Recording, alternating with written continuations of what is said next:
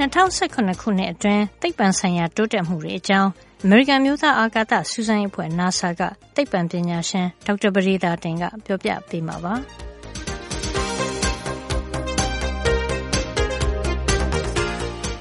ပထမဆုံး NASA ရဲ့2018ခုနှစ်အတွင်း သိပ္ပံဆိုင်ရာ တိုးတက်မှုတွေကို ကြည့်အောင်ပါ 2019ခုနှစ်ထဲမှာ အပြည်ပြည်ဆိုင်ရာ အာကာသစခန်း International Space Station ပေါ်မှာ သိပ္ပံသုတေသန ပြုလုပ်ခဲ့တဲ့ စမ်းသပ်မှုပေါင်း190ကျော်ပါတယ်။အဲဒီထဲမှာ ကမ္ဘာ့ရာသီဥတုတိုင်းတာအစ neutron ကြယ်တွေ လေ့လာတာ နောက်ပြီးတော့ dark matter ဆိုတဲ့ အမှောင်ဒြပ်ပေါ့နော်။အဲဒါတွေ ရှိမရှိလေ့လာတဲ့ သုတေသနတွေ အများကြီးပါပါတယ်။အပြည်ပြည်ဆိုင်ရာ အာကာသစခန်းမှာ Peggy Whitson က အမျိုးသမီးအာကာသယာဉ်မှူးအနေနဲ့288ရက်နေခဲ့ပြီးတော့အကြာဆုံးနေထိုင်ခဲ့တဲ့စံချိန်ကိုတင်ခဲ့ပါတယ်။ NASA ကတခြားဂြိုဟ်တွေဆီကိုလွှတ်တင်ထားတဲ့ဂြိုဟ်တုတွေ2018ခုနှစ်မှာဘယ်အခြေအနေရောက်နေပါပြီလဲ။စနေဂြိုဟ်ပေါ်ဝဲပြီးတော့သိပ္ပံအချက်လက်တွေပို့နေတဲ့ Cassini ဂြိုဟ်တုဟာလောင်စာစွမ်းအင်ကုန်သွားတဲ့အတွက်ဂြိုဟ်တုကိုစနေဂြိုဟ်ပေါ်ကိုပစ်ချလိုက်ပါတယ်။73နှစ်ကြာလုပ်ခဲ့တဲ့အလုပ်ကအောင်မြင်စွာပြီးသွားပြီဆိုတဲ့အထိမ်းအမှတ်နဲ့သူတို့ကြီးညာပါတယ်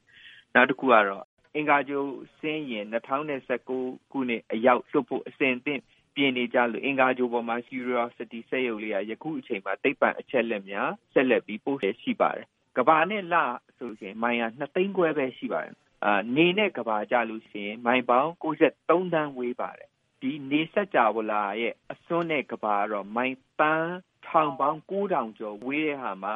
မှတ်မိကြမယ်ထင်ပါတယ် ဒီ Voyager 1နှစ်လွန်ခဲ့တဲ့အနှစ်40လွှတ်လိုက်တဲ့အချိန်မှာ ရွှေနဲ့လုပ်ထားတဲ့ဓာတ်ပြားလေး ထည့်ပေးလိုက်ပါတယ် အဲ့ဓာတ်ပြားလေးထဲမှာ ဗမာလို့မင်္ဂလာပါလို့ နှုတ်ခွန်းဆက်စကားလည်း ပါပါတယ် အဲ့တော့ ဘယ်အချိန် ဘယ်နေရာမှာ လူသားတွေလောက် မဟုတ်လို့ရှိရင် လူသားတွေတဲ့ပို့ပြီးအတိညာရှိတဲ့တက်ရှိတော်များ ဒီ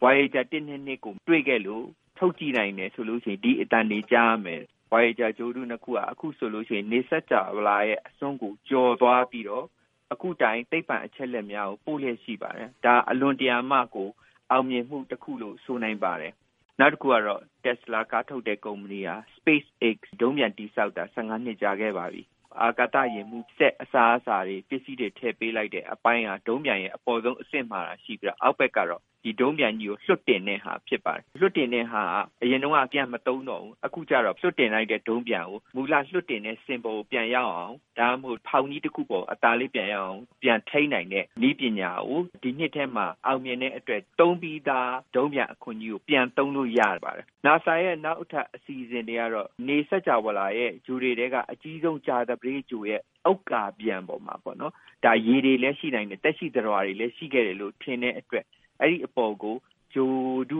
များလွှတ်ဖို့ဒီနှစ်စပြီးတော့စီစဉ်နေပါပြီ။နောက်တခုကအာကာသယာဉ်မှူး၁၂ဦးကိုဒီနှစ်ထဲမှာထပ်ပြီးတော့ရွေးထားပါတယ်။နောက်ဆုံးတည်ဆောက်ထားတဲ့ Space Launch System ဆိုတဲ့ဒုံးပျံကြီးနဲ့လပေါ်ကိုဆင်းဖို့ပထမဦးဆုံးရွေးချယ်ထားတာဖြစ်ပါတယ်။ ဒီအာကာသယာဉ်မှူးတွေပဲနောက်၁၀နှစ်၁၅နှစ်လောက်နေရင်အင်္ဂါဂြိုဟ်ပေါ်ကိုသွားဖို့အတွက်လည်းဖြစ်နိုင်ပါတယ်။၂၀၁၇ခုနှစ်မှာဆေးသိပ္ပံဆိုင်ရာတိုးတက်မှုတွေကအတော့်ကိုများပါတယ်ဆေးသုတေသနမှာလေဖြတ်သွားပြီးတော့ကိုယ်လက်လှုပ်ရှားလို့မရတော့တဲ့အခြေအနေကိုပုံမှန်အတိုင်းပြန်လည်လှုပ်ရှားမှုရနိုင်တဲ့နည်းပညာကိုဒီနှစ်ထဲမှာစပြီးတော့စမ်းသပ်တာအောင်မြင်ပါပြီ။နောက် ဆေးသုတေသနနည်းပညာမှာ မျိုးရိုးဗီဇကနေပါလာတဲ့ယောဂဝေဒနာကို ကုဖို့နည်းပညာတွေ တိုးတက်လာပါတယ်။ကင်ဆာယောဂါတို့ နှလုံးယောဂါတင် မဟုတ်ဘဲနဲ့ မိခင်ရဲ့ ဝမ်းထဲမှာရှိတဲ့တရေသားလေးမှာယောဂါကို DNA ကိုခွဲစိတ်ပြီး ပြန်ပြီးတော့ ဗီဇကို ပြောင်းပေးတဲ့ နည်းပညာနဲ့ မွေးလာမယ့်ကလေး ကျန်းမာလာအောင်လုပ်တဲ့ နည်းပညာကို စပြီးစမ်းတာ အောင်မြင်ပါပြီ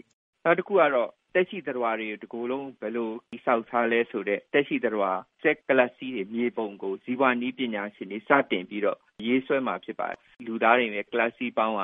သန်းထောင်ပေါင်း30 40လောက်ရှိပါတယ်။အဲ့ဒါကိုတစ်ခုချင်းစီ galaxy ဖွဲ့စည်းပုံတွေကိုတေးချာချာ မြေပုံကြီးတစ်ခုလို့ဖြန့်ပြီး ကြည့်လို့ရတဲ့ဟာကို စပြီးတော့ သူတို့စူးစမ်းနေပါပြီ။နည်းပညာဆိုင်ရာ ထူးထူးခြားခြား တိုးတက်မှုတွေလည်း ဒီနှစ်မှာပဲ တွေ့ရပါသေးတယ်။ အင်တာနက်ပေါ်မှာ ကျနော်တို့ ပစ္စည်းဝယ်တဲ့အခါ ငွေချေတဲ့စနစ်ကို တယ်လီဖုန်းပေါ်ကနေဖြစ်ဖြစ်၊ကွန်ပြူတာပေါ်ကနေဖြစ်ဖြစ် ဝယ်တဲ့အခါ ဝယ်တဲ့လူရဲ့ မျက်နှာပုံပန်းသဏ္ဍာန်မြင်မှသာလျှင် ငွေချေနိုင်တဲ့ နည်းပညာကို စပြီးတော့ သုံးကြည့်နေပါပြီ။နောက်တခုကတော့ cellular phone selfie ရိုက်တဲ့ပုံစံမျိုးလိုပဲ ကင်မရာတမျိုး ထွင်ပါတယ်။ပတ်ပတ်လည်မြင်ကွင်းတခုလုံးကို ရိုက်နိုင်တဲ့ ကင်မရာကို ဒီနှစ်စပြီးတော့ စမ်းပြီးတော့ ရောင်းအောင် ရောင်းနေပါပြီ နောက်တစ်ခုကတော့နေရောင်ကနေလျှက်စစ်ဓာတ်ထုတ်တဲ့ဆိုလာပြားတွေပေါ့နော်အဲ့ဒီဆိုလာပြားတွေက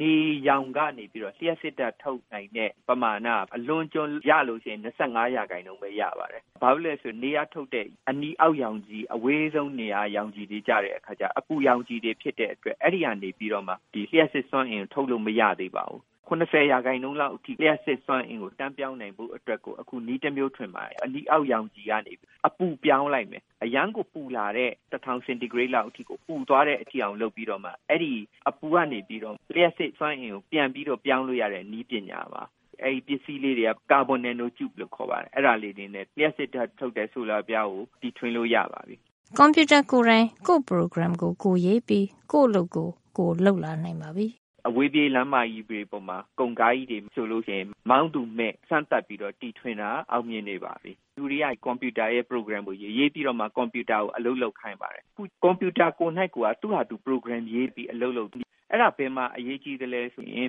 ဒီခုနကုန်ကားကြီးတွေမောင်းတဲ့အခါရှေ့မှာကားတစ်ခုခုကဖြတ်ဝင်လိုက်တယ်ဆိုလို့ရှိရင်မတိုက်အောင်ချက်ချင်းဆုံးဖြတ်ရတယ်ဝင်မတိုက်အောင်လာနေတဲ့ဟာကိုဘလို့လုပ်ရမလဲဆိုတာကိုသူကိုယ်တိုင်စဉ်းစားပြီးတော့သူကိုယ်တိုင် program ပြန်ရေးပြီးတော့မှသူကမတိုက်အောင် break အောင်မလားလမ်းကိုဖယ်မလားဆိုတဲ့ဟာကိုသူကဆုံးဖြတ်ချက်ချတာပေါ့နော်အဲအဲ့ဒီနည်းပညာဒီနှစ်စအောင်မြင်လာပါပြီဒီနှစ်ထဲမှာအစပြိုးလိုက်တဲ့ထူးခြားတဲ့တိုးတက်မှုတစ်ခုကတော့ အပေါ်ဆုံးဖြစ်တဲ့ hydrogen ဓာတ်ငွေ့ကို အခဲဖြစ်အောင် စမ်းသပ်နိုင်ခဲ့တာပါ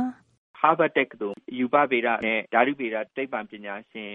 အဖွဲ့က အပေါ်ဆုံးအနုမြူဖြစ်တဲ့ hydrogen ဓာတ်ငွေ့ကို အခဲသဘာဝဖြစ်အောင်ဒီ microscope အောက်မှာ ပြုလုပ်နိုင်ခဲ့တစ်ချိန်ကြာလို့ရှိရင် အလွန်တရာသုံးဝင်မယ်လို့ မျှော်လင့်ပါတယ် ဒေါက်တာပရိသာတင်းရဲ့ ပြောကြားချက်နဲ့ပဲ ဒီသတင်းပတ်အတွက် သိပ္ပံနဲ့နည်းပညာကဏ္ဍကို ဒီမှာပဲရန်နာလိုက်ပါရစေ နောက်တစ်ပတ်မှာ ပြန်ပြီးဆုံကြအောင်မယ်နော်